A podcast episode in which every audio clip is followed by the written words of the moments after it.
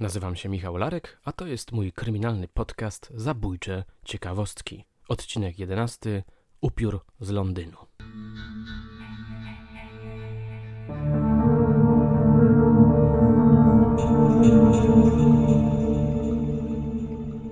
Jestem z Was bardzo zadowolony, drogie słuchaczki i drodzy słuchacze.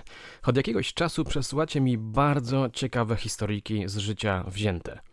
Ostatnio Zuzanna, która na Instagramie działa pod nickiem Zuza Maniek, podesłała mi kilka pysznych historii. Przytoczę najdłuższą i chyba najlepszą z nich. Zaczniemy zatem od opowieści o ministrancie na speedzie. Nasz lokalny oryginał ma na imię Andrzejek, pisze Zuzanna.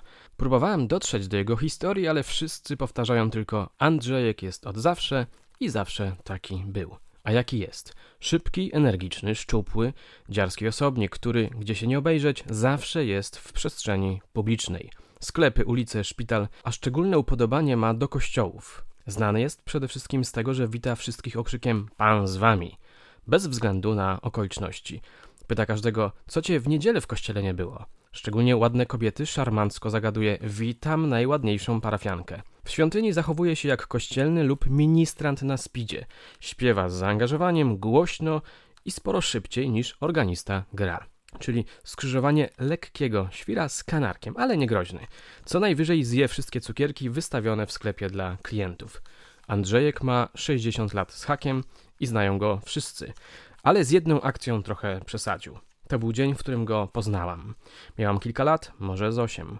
Trafiłam na ortopedię ze złamaną ręką. Tam oczywiście trzeba było poczekać. Korytarz pełen ludzi, starsza pani leżała na noszach albo leżała na łóżku na kortażu, nie pamiętam dokładnie. Wpada Andrzejek. Pan z wami, rzuca. Następnie podchodzi do tej starowinki i zaczyna śpiewać anielski orszak. Pani go chyba nie znała, a może sama pieśń zrobiła na niej wrażenie. Tak czy inaczej, pamiętam jej przerażenie. Oczy jej się zaszkliły i chyba była przygotowana na swój koniec. Na szczęście jakaś pielęgniarka podeszła i ze słowami Oj, Andrzejek, Andrzejek, wypchnęła go z oddziału. Tutaj opowieść o ministrancie na spidzie niestety się kończy. Mówię niestety, bo posłuchałbym jeszcze paru dykteryjek o tej barwnej postaci. Moje drogie, moi drodzy, pan z wami, przechodzimy do kolejnej ciekawostki i zmieniamy radykalnie klimat.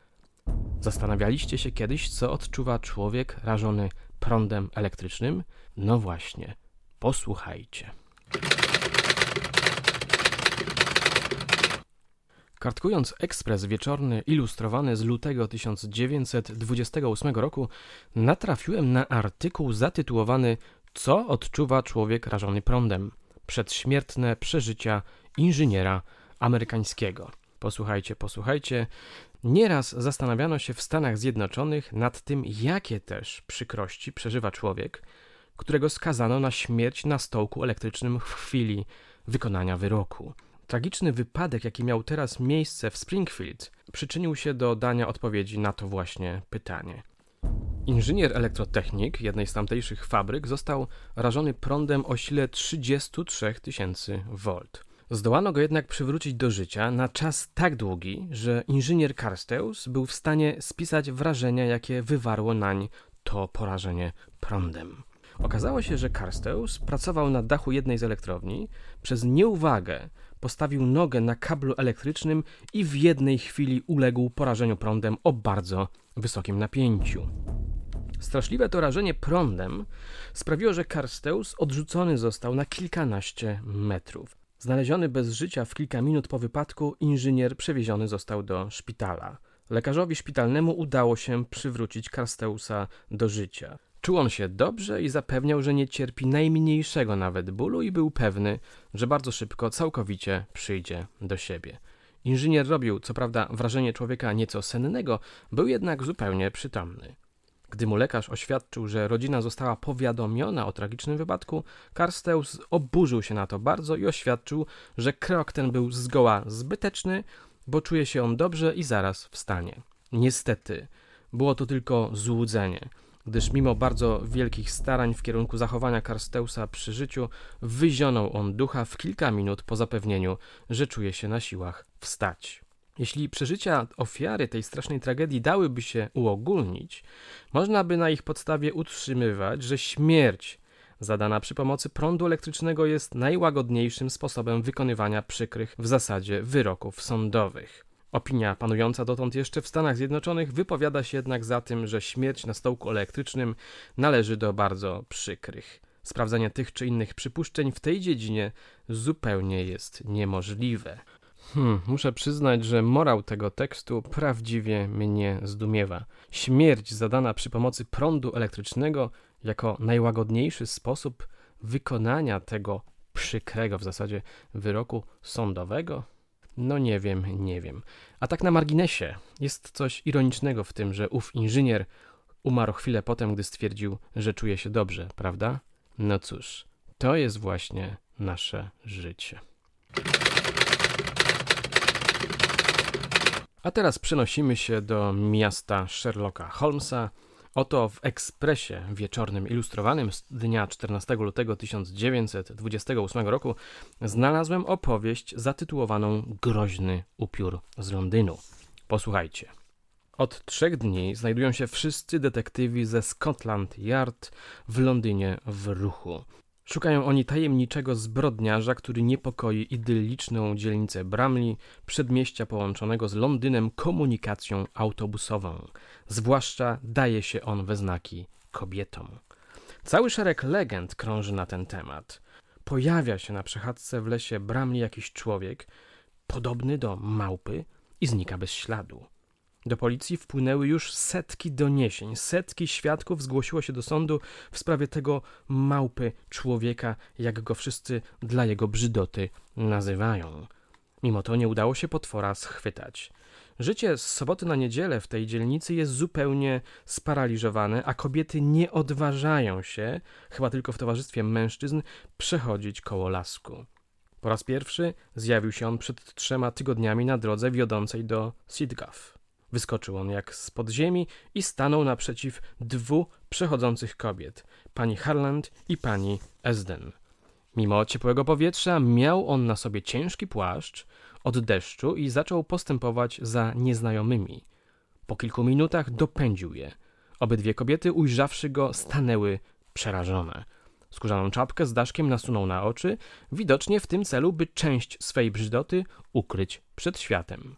Spojrzał ironicznie na obydwie kobiety, wyciągnął błyskawicznie gruby kij spod płaszcza i uderzył panią Harland z całej siły w głowę.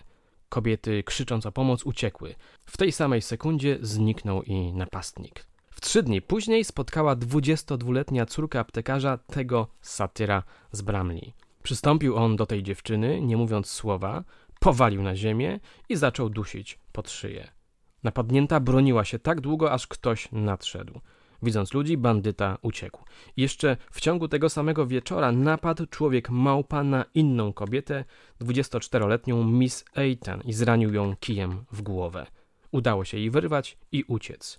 Gorzej wyszła w dwa dni potem pewna praczka, która około północy musiała przechodzić lasem. Gdy ukazał się jej nagle w potwornej swej brzydocie bandyta, była przekonana, że to upiór. Dwoma silnymi uderzeniami ogłuszył on swą ofiarę, którą znaleziono dopiero na drugi dzień rano nieprzytomną. Następnego dnia obrabował dziewiętnastoletnią pannę Saif, wyrywając jej torebkę, w której była biżuteria. Zadziwiające jest, że wszystkie te kobiety przesłuchane w policji podają wprost odmienny rysopis napastnika. Jedne twierdzą, że jest to mały, krępy człowiek, drudzy utrzymują, że jest wysmukły i chudy, Według zeznań jednych ma być ów człowiek małpa jeszcze młody, według innych jest to staruszek. Wszystkie zgadzają się atoli na tym punkcie, że jest niezwykle szpetny. Zastanawiam się, czy człowiek małpa zaczął zabijać, czy przekroczył tę straszną granicę, czy poprzestał na samych napadach. Nigdy nie słyszałem o tej postaci. Może jeszcze natrafię na jej ślad, dam wam wtedy znać. Ciekawe w tej historii, dodam jeszcze, jest to, że każdy zupełnie inaczej opisywał przestępcę. Być może napadnięte kobiety wyrażały przede wszystkim swoje wyobrażenie tego, co jest brzydkie. A oto historia, na którą zwróciłem uwagę ze względu na jej niecodzienny tytuł. Posłuchajcie. trzyletni chłopiec, świadek zbrodni, zdemaskował mordercę swojej matki. Z Warszawy donoszą. W zasobnym folwarku Macorzyn w powiecie włodawskim źle się działo, odkąd majątkiem tym zawładnął jako własnym młody lekkoduch i utracjusz Krypituła, biorąc sobie małżonkę o wiele starszą i stateczną. Krypituła pod bokiem żony romansował z sąsiadką Kowalską, której mąż, ku skorszeniu służby i okolicy, przez palce patrzył na sąsiedzkie amory, sprytnie ciągnąc z nich korzyści. Krypituła bowiem rujnował się dla damy swego serca i spełniał wszystkie jej podszeptywane przez męża zachcianki. Im Krypituła bardziej zbliżał się do Kowalskiej, tym Kowalski bliższy stawał się mu przyjacielem. Sąsiedzi, którzy ten stan rzeczy nazywali po imieniu Ochyda, odetchnęli, gdy Krypituła powołany został do wojska. Niestety, odetchnęli na niedługo. Oto wkrótce rozniosła się po okolicy straszna wieść, iż w dworku macorzyńskim znaleziono trupa Zofii Krypitułowej.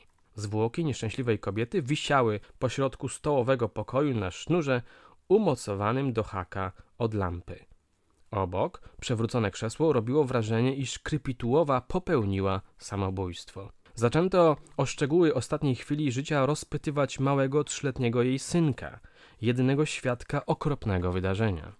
Dziecko przez dłuższy czas nie mogło przyjść do siebie z przerażenia. Wreszcie wydobyto zeń chaotyczne opowiadanie o jakimś człowieku, który bił się z mamą i potem powiesił ją na sznurze.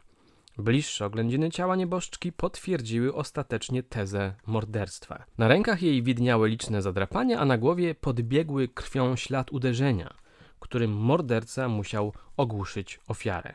Policja prowadząca dochodzenie w tej sprawie poczęła badać, komu mogło zależeć na uśmierceniu Krypitułowej. Ponieważ męża zmarłej w tym czasie nie było, podejrzenia skierowano przeciw Kowalskiemu. Śledztwo zdobyło przeciw niemu cały szereg dowodów, których koroną było przejęcie listu pisanego przez Krypitułem do Kowalskiego z wyrazami wdzięczności za spełnienie umówionego czynu.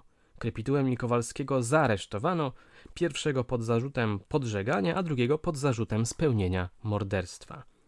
Obaj stanowszy przed sądem wypierali się winy.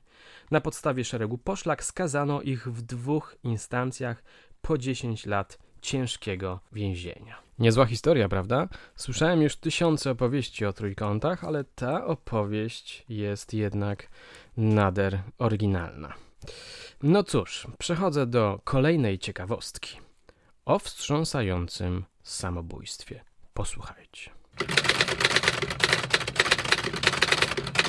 Z Sarajewa w Bośni donoszą o niezwykle wyrafinowanym samobójstwie, jakie popełniła wdowa po austriackim majorze pani Ewelina Konnauer. Na cmentarzu kazała sobie wymurować grób, kupiła trumnę i zostawiwszy w domu listy z pożegnaniem, zniknęła bez śladu.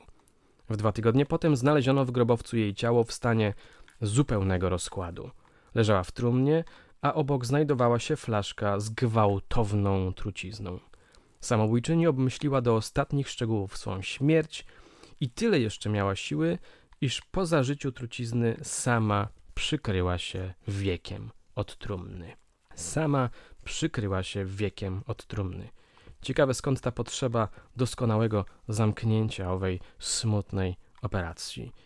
Kiedy zadumałem się nad tą historią, przypomniał mi się wiersz o Raymundzie Russellu, ekscentrycznym pisarzu, który w bardzo precyzyjny, wręcz artystyczny sposób popełnił samobójstwo. Rano ciało spoczywało na sienniku, prawa ręka jest wyprostowana, wskazujący palec sterczy w stronę zamkniętych drzwi. Tak właśnie kończy się tamten wiersz. No cóż, czasami samobójstwo wygląda jak dzieło sztuki. Zaczynam filozofować, czas więc się pożegnać. Moje drogie, moi drodzy, na dzisiaj to wszystko. Dziękuję Wam za uwagę i do usłyszenia już niebawem.